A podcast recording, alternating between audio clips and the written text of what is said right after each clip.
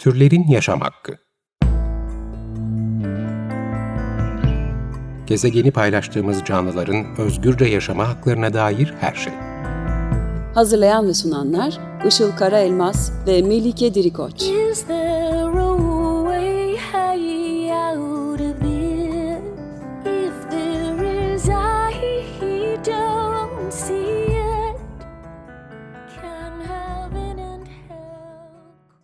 Merhabalar, 95 Açık Radyo'da Türlerin Yaşam Hakkı programı başladı. Ben Işıl Karaelmaz. Merhabalar, ben de Melike Dirikoç. Teknik Masa'da Selahattin Çolak'la birlikte kayıt alıyoruz.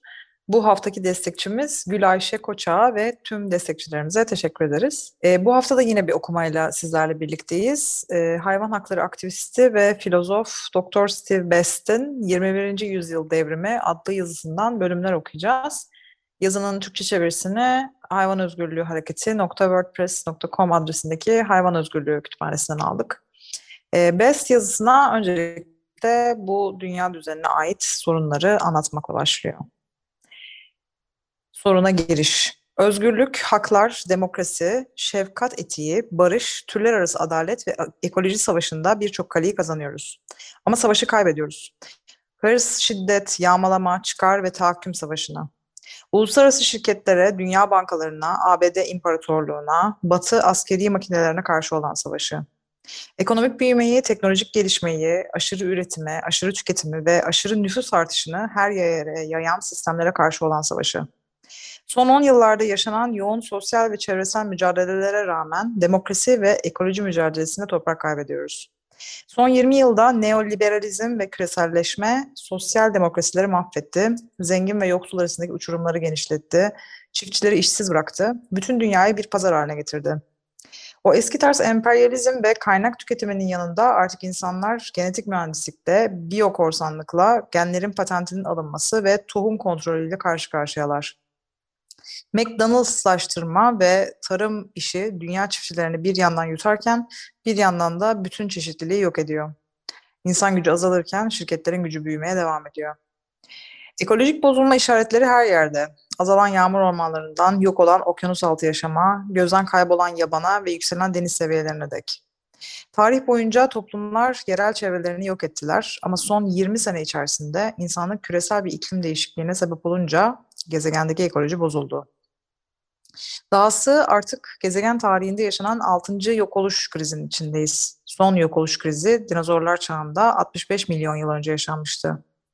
Son 5 tanesinden farklı olarak bu seferki kriz insan eylemlerinden kaynaklı.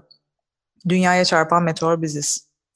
Korumacı biyologlar önümüzdeki 10 yıllarda dünyadaki bitki ve hayvan türlerinin üçte birinin yok olabileceğini öngörüyorlar. 2050 yılına kadar dünya nüfusu 9 milyar olacak ve Çin'deki et tüketimi iki kat artacak. Küresel et tüketimindeki artış, BM'nin sürdürülebilir bir geleceğe sahip olmak için tek geçerli yolun vegan beslenme tarzına doğru küresel bir kayma olduğunu söylemeye itti. Küresel kapitalist sistem insanları, hayvanları ve doğayı yok ediyor. Sürdürülmesi imkansız son 300 yıllık endüstriyelleşmenin ve pazar ekonomisinin faturasını ödeme zamanı geldi. Bu sistemin insanileştirilmesi, medenileştirilmesi, yeşil dostu yapılması imkansız. Bu sistemin akla gelebilecek bütün seviyelerde politik, ekonomik, yasal, kültürel, teknolojik, ahlaki ve kavramsal boyutlarda bir devrimle aşılması gerekiyor. Son 30 yılda çevreciliğin sosyal adalet olmadan ve sosyal adaletinde çevrecilik olmadan gerçekleştirilemeyeceğine dair artan bir farkındalık söz konusu. Bu bilgi bize ABD çevre hareketini Earth First'ün kereste işçileriyle ittifak kurmasını, Zapatistaların koalisyon oluşturmasını ve işçileri ve çevrecileri bir araya getiren 1999 Seattle Savaşı'nı hatırlatıyor. Ama gene de bir şeyler eksik. Denklem çözülmedi, strateji işe yaramıyor. Sadece bir türün çıkarları temsil ediliyor ama milyonlarca diğer türün çıkarları sadece insan kullanımı için gerekli kaynaklar olarak görülenler hariç dikkate alınmıyor bile. Ama son 30 sene içerisinde yeni bir toplumsal hareket doğdu. Hayvan özgürlüğü. Hayvanları savunma hareketinin gücü ve potansiyeli henüz anlaşılmadı ama 21. yüzyıl politikasında eşit bir temsili de hak ediyor. Birçok sınırlara rağmen kavranması ve toplumsal değişim projesine dahil edilmesi gereken devrimci bir potansiyele sahip. Barış, adalet, demokrasi, otonomi ve ekoloji adına mücadele eden ilerici insanların hayvan özgürlüğü hareketine duyulan ihtiyacı ve bunun geçerliliğini iki sebeple kabul etmesi gerekiyor. Birincisi ahlaki bir açıdan hayvanların maruz bırakıldığı sömürü, acı ve gaddarlık öylesine büyük, derece ve tür olarak öylesine devasa ki merhamet, adalet, hak ve şiddete başvurmama gibi değerleri olduğunu söyleyen herkesten derin ahlaki ve politik tepkiler görmeyi hak ediyor. Her yıl insanlar 70 milyon deniz ve kara hayvanını onlardan gıda oluşturmak için katlediyor. Milyonlarcası deney laboratuvarlarında, küp çiftliklerinde ve av alanlarında ve akla gelmeyen nice öldürme alanlarında öldürülüyorlar. İkinci olarak stratejik anlamda hayvan özgürlüğü hareketi insan ve hayvan özgürlüğü içinde temel bir öneme sahip. Birçok açıdan insanların hayvanları tahakküm altına alması, insanın insanı da hakimiyet altına almasının temelini hazırlıyor. Ayrıca küresel ekolojik krizi de tetikliyor. Hayvan özgürlüğüne dahil olmadan etikte, psikolojide, toplumda ve ekolojide devrimci değişiklikler meydana gelemez. İnsan, hayvan ve dünya özgürlük hareketinin ayrılmaz bir biçimde birbirleriyle bağlı olduğunu daha iyi anlıyoruz. Hepsi özgür olana dek hiçbir özgür olamaz. Bu yeni bir görüş değil aslında. Getirilmiş bir hakikat ve bir bilgelik. 2500 yıl önce şu sözleri söylemiş olan Pisagor'u hatırlayın. İnsanlar hayvanları katlettikçe birbirlerini öldürecekler. Gerçekten de cinayet ve acının tohumlarını ekenler neşe ve sevgi biçemezler. Günümüzün acil konularından birisi de bu içgörünün manasını tamamen anlamaktır. Sembiyotik, holistik ve birbirine kitli ilişkilerini düşününce artık insan, hayvan ve dünya özgürlüğünden birbirinden bağımsız mücadelelermiş gibi söz etmemiz lazım. Tersine topyekun bir özgürlükten söz etmemiz gerek. Topyekun özgürlük derken bütün canlıların mükemmel bir özgürlük ve mutluluk durumuna ulaştığı türden metafizik bir ütopyadan bahsetmiyorum. Tersine holistik olarak hareketlerin birbirleriyle ilişkisini, kapitalizmle diğer baskı modlarıyla ilişkisini ve ortak zalimlere karşı sınıf, cinsiyet, ırk ve ulusal sınırların ötesinde sentetik ittifaklar kurduğumuz politik süreçlerden demokrasiyi, ekolojiye ve toplumsal adaleti hayvan haklarına bağlayabileceğimiz teorik bir süreçten söz ediyorum. Dünyanın özgürlüğünden metaforik olarak söz ederken bunu hayvanlar için gerçek anlamıyla kullanıyorum. Çünkü onlar bütün sömürülen sınıflar ve köle sınıfları arasında en eski, en büyük, en ihmal edilmiş ve en çok sömürülmüş grubu oluşturuyorlar. İnsanlar gibi hayvanlar da duyguları olan, bilinçli, hisseden ve düşünen canlılar olup istekleri, arzuları, çıkarları olan ve daha fazlasına sahip canlılar. Doyurulmak istenen potansiyelleri ve becerileri ancak doğal ortamlarında insan müdahalesi olmadan gerçekleştirebilecek kompleks, fiziksel, psikolojik ve sosyal gereksinimleri, olan canlılar. Hayvanlar insan tahakkümü ve sömürüsü sistemlerinden özgür olabilirler, olmalılar. Sonuçta bunların yıkıcı sonuçları var doğal evrimleri sonucunda dönüştükleri kompleks canlılar olarak hayatlarını yaşamak için özgür kalmaları gerekiyor. İnsan hayvan özgürlüğü denkleminin her iki yanında daha geniş vizyonlar ve politikalara gerek duyulduğunun altını çiziyor ve sayıca çok az bulunan stratejik ittifaklar kurulması, yeni diyaloglar ve öğrenmeler geliştirmesi gerektiğini söylüyorum. Bitkilerin amacı hayvanlara yem olmaktı. Hayvanlar bize gıda alıyordu. Bizim görevimiz de Tanrı'yı ve evreni düşünmekti. İnsanların beyni en üst seviyedeydi. Daha alt ya da daha aşağı zekaya sahip canlılar tam olarak insan değildi ya da hiç insan sayılmazdı. Böylece Aristo köleliği varlıkların doğal düzeninin bir parçası saymış oldu. Rasyonalizm felsefesi böyle doğdu. Bu insanların rasyonellik kategorisini kullanıp kendilerini hem hayvanlardan hem de diğer insanlardan radikal olarak ayrı tuttuğu dualistik bir mantıktır. Ama bir zamanlar Batı ataerkil rasyonellik normlarını insanlığın özü ve sosyal normalliğin ölçüsü kabul ediyordu. Öncelikle hayvanları öteki olmanın ölçüsü olarak kullanınca o zaman farklı, egzotik, koyu renkli insanları ve tipleri de ya insan değilmiş ya da alt insan kategorisine dahilmiş gibi görmek kolaylaştı. Böylece hayvanları insan toplumundan dışlamak için kullanılan kriterin aynısı bu sefer siyahları, kadınları, delileri, engellileri ve daha birçok grubu dışlamak için kullanıldı. İnsanın insanı tahakküm altına alması ve bunun savaş, kölelik ve soykırımla gerçekleştirilmesi genellikle kurbanların dil yoluyla aşağılanmasıyla başlar. Ancak insanlıktan çıkarmanın araçları ve metotları türetilmiş şeylerdir. Çünkü türcülük, Batı'nın diğer halklara olan gaddarlığını cesaretlendiren sürdüren ve meşrulaştıran kavramsal paradigmayı sağlamıştır. Tarih boyunca hayvanları kurban haline getirişimiz, birbirimizi kurban haline getirişimizin modelini ve temelini oluşturmuştur. Tarih, insanların hayvanları sömürüp katletmesi, ardından diğer insanlara hayvanmış gibi davranıp aynısını onlara yaptığını gösteren bir kalıbın varlığını ortaya koyuyor. Bir kez hayvan ya da alt insan konumunda olup da beyaz batılılardan daha alttaki bir evrimsel basamakta olduklarını ikna olunduktan sonra baskı altına alınan insanlara uygun şekilde davranıldı. Öncelikle hayvan gibi gördükleri için hayvan gibi avlandılar. Ahlaki toplumdan dışlanan ilk sürgünler olarak hayvanlar ezilenleri çöp kutusuna atmak için uygun bir bahane oluyordu zalimler için. Sömürgecilik insanın hayvanlar alemine olan üstünlüğünün doğal bir uzantısıydı. Charles Patterson birçok Avrupalı için beyaz ırk diğer aşağı ırklardan daha üstün olduğunu onları etki altına alarak göstermiş oluyordu. Aynen insan ırkının bir bütün olarak onları kontrol altına alıp ezerek hayvanlara üstün olduğunu kanıtladığı gibi diyor. Afrika, Hindistan ve Avrupa sömürgelerinde büyük hayvan avları Avrupa'nın toprağa, hayvanlara ve halklara hakim olduğunun bir sembolüydü ve bin yıl boyunca avcılık hem bir hakimiyet ritüeli oldu hem de erkeğin hayvanlar ve kadınlardan üstün olduğunu ortaya koymanın bir aracı olma rolünü üstlendi diyerek bitiriyor ilk bölümü. Evet, bir sonraki bölüme girmeden önce bir e, şarkı arası yapalım. E, epey, epey yoğun bir içerik. Şimdi dinleyeceğimiz şarkı Tango with Lions grubundan gelecek. In a Bar.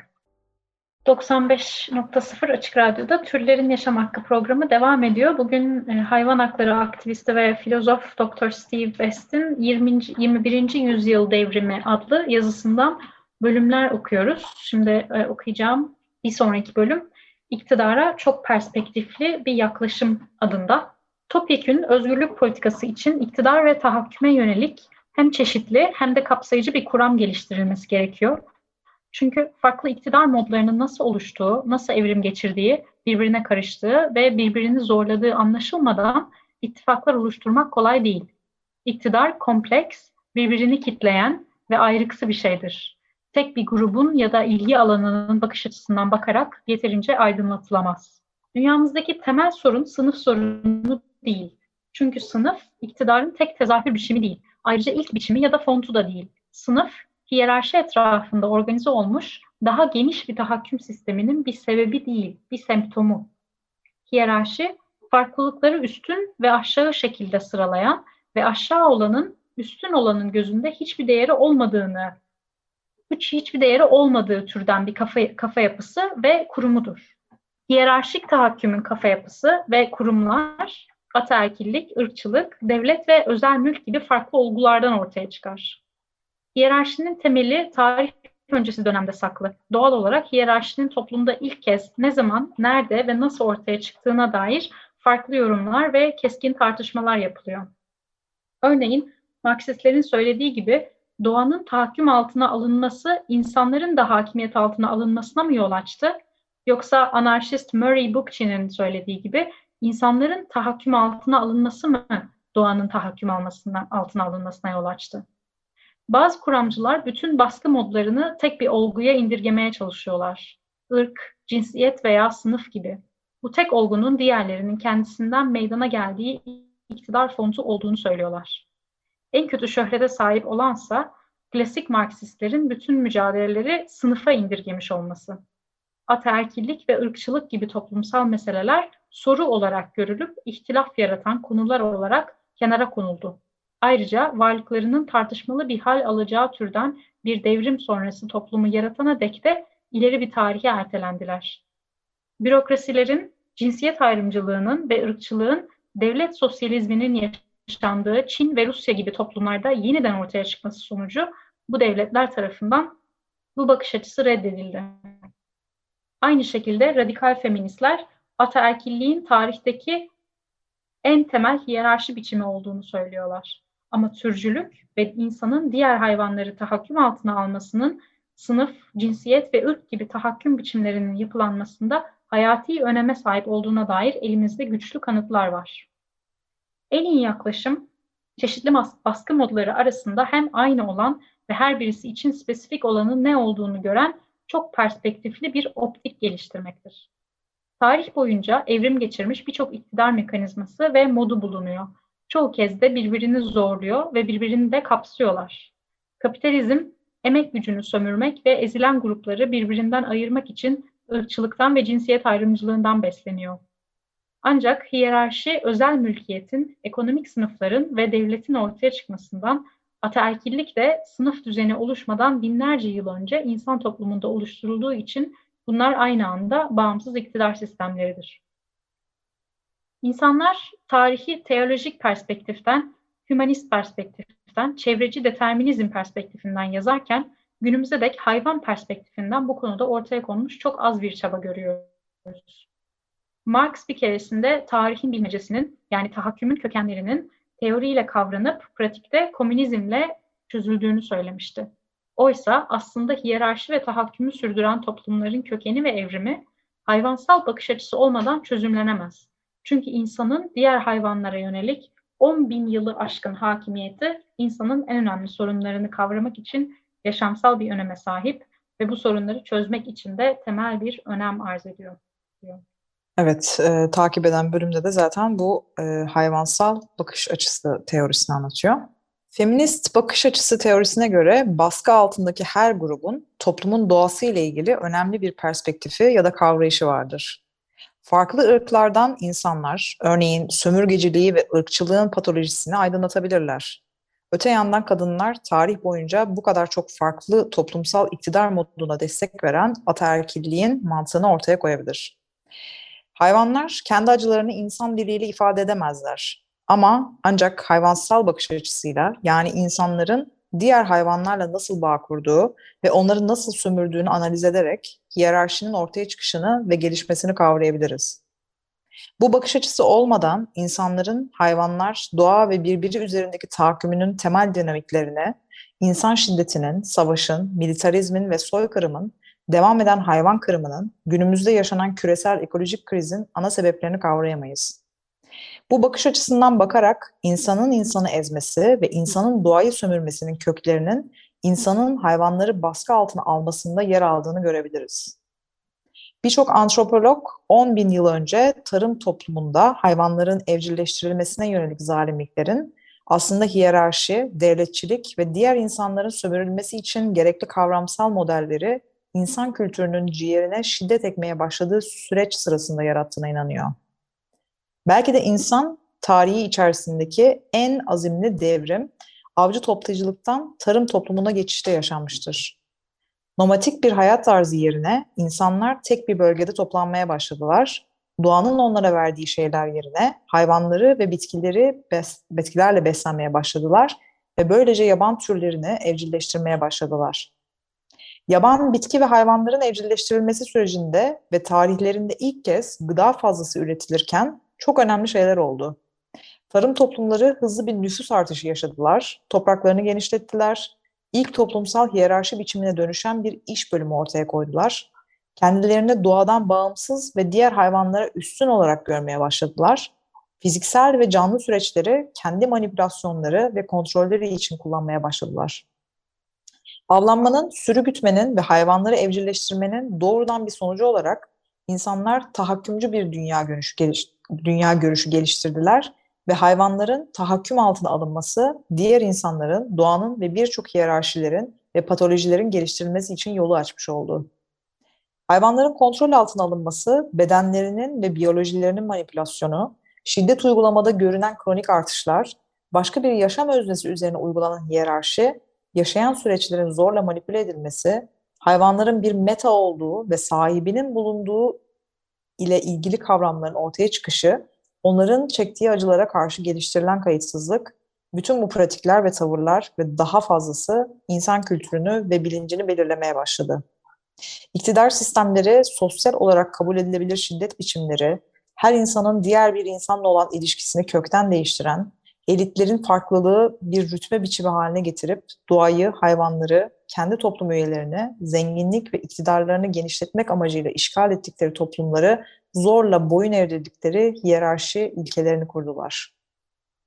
Hayvanların tahakküm altına alınması ve sebep olduğu detaylı, incelikle işlenmiş ve köklü türcü ideoloji, insanların diğerlerini tahakküm altına aldığı sistemlerin kurulmasını kolaylaştırdı. Hiyerarşik düşüncenin prototipini oluşturdu ve böylece birçok taktik ve teknolojinin kontrol altına alınmasıyla onun ideolojisini sağladı. Hayvanlar ilk meta biçimiydi. Miras alınmış bir zenginlikti, ilk kapitaldi ve ilk kölelerdi. Hayvanların evcilleştirilmesi, kadınların üreme ve emekleri için esir haline getirilmeleri amacıyla cinsel anlamda boyun eğdirilmelerine bir model teşkil etti. Ayrıca Mezopotamya şehir devletlerinin de büyükbaş hayvanları yönetme biçimleri, kendi kölelerini üremeye zorlama ve emeklerini sömürmeleri için yol açmış oldu. Tabi doğal olarak kölelik Sümer'de ortaya çıktı ve bu bölge Orta Doğu'da merkezi bir bölge olup tarımın ortaya çıktığı yerdi. Ayrıca hayvanların evcilleştirilme pratiklerinin bir uzantısı olarak evrim geçirmiştir. Hayvanların sömürülmesi, siyahların insanlıktan dışlanması ve köleleştirilmesi için bir model, bir metafor oldu. Teknoloji ve pratikler sağladı. Adım etmekten zincire vurmaya, kulak kesmekten damgalamaya, aileleri yok etmekten açık arttırmada satışa dek beyazlar hayvanları uzun zamandır boyunduruk altına almış olmanın bilgisine sahiptiler ve bu bilgileri 15 ila 19. yüzyıl arasında uluslararası köle ticareti sırasında özgürce kullandılar. Jim Mason'a göre çiftçilik birçok farklı bölgede göründü ama Orta Doğu, Mısır, Maya, İnka, Aztek, Çin ve Hindistan'dan gelen koyun, keçi, at ve büyükbaş hayvanlar gibi büyük hayvanların evcilleştirilmesine bağlı ve bu durumdan güç alarak ortaya konmuş genişlemeci ve tahakkümcü bir hayat tarzına bağlılığı sebebiyle ayrılıyordu. Sürü sistemi çiftçi kültürlerine zenginlik ve güç bağışladı. Çünkü onları savaşlara ve işgallere yönlendiriyordu. Hayvancılığın genişlemeye yatkın olan gereksinimleri sebebiyle böyle oluyordu. Hayvanları boyunduruk altına almak, diğer insanları kontrol etmek için kullanılan teknolojileri sağlamakla kalmadı, buna kavramsal bir çerçeve de kazandırdı. Milattan önce 4. asırda Aristo açık hiyerarşik felsefeyi formüle etti. Her şeyin bir amaç uğruna var olduğu, bunun da mükemmellik ölçeğinde daha ulu varlıkların ihtiyaçlarını karşılamak olduğunu söyledi. Evet, bugün okuyacağımız e, bölüm bu şekildeydi. Evet aslında yazı devam ediyor. Bundan sonra sol türcülüğünün eleştirisi diye başlayan bir bölüm var. Bizim geçen haftaki e, geçen hafta okuduğumuz makaleyle de paralel konusu. Ama vaktimiz kalmadığı için ona giremiyoruz. E, dediğimiz gibi bu yazının e, Türkçe hali, çeviri halini e, hayvan özgürlüğü hareketi wordpress.com adresinden bulabilirsiniz. Oradaki hayvan özgürlüğü kütüphanesinden aldık bu yazıyı. Bugün e, hayvan hakları aktivisti ve filozof Dr. Steve Best'in 21. Yüzyıl Devrimi adlı yazısından bölümler okuduk. Şimdi de programın sonuna geldik. 95 Açık Radyo'da türlerin yaşam hakkını dinlediniz. Programla ilgili önerileriniz, yorumlarınız veya yazıyı bulamazsanız e, yazıyı e, okumak için bize mail atabilirsiniz. E-mailimiz türlerinyasamhakki.gmail.com Dinlediğiniz için teşekkür ediyoruz. Haftaya görüşmek üzere. Görüşmek üzere, hoşçakalın. Türlerin Yaşam Hakkı Gezegeni paylaştığımız canlıların özgürce yaşama haklarına dair her şey. Hazırlayan ve sunanlar Işıl Karaelmaz ve Melike Dirikoç. Is there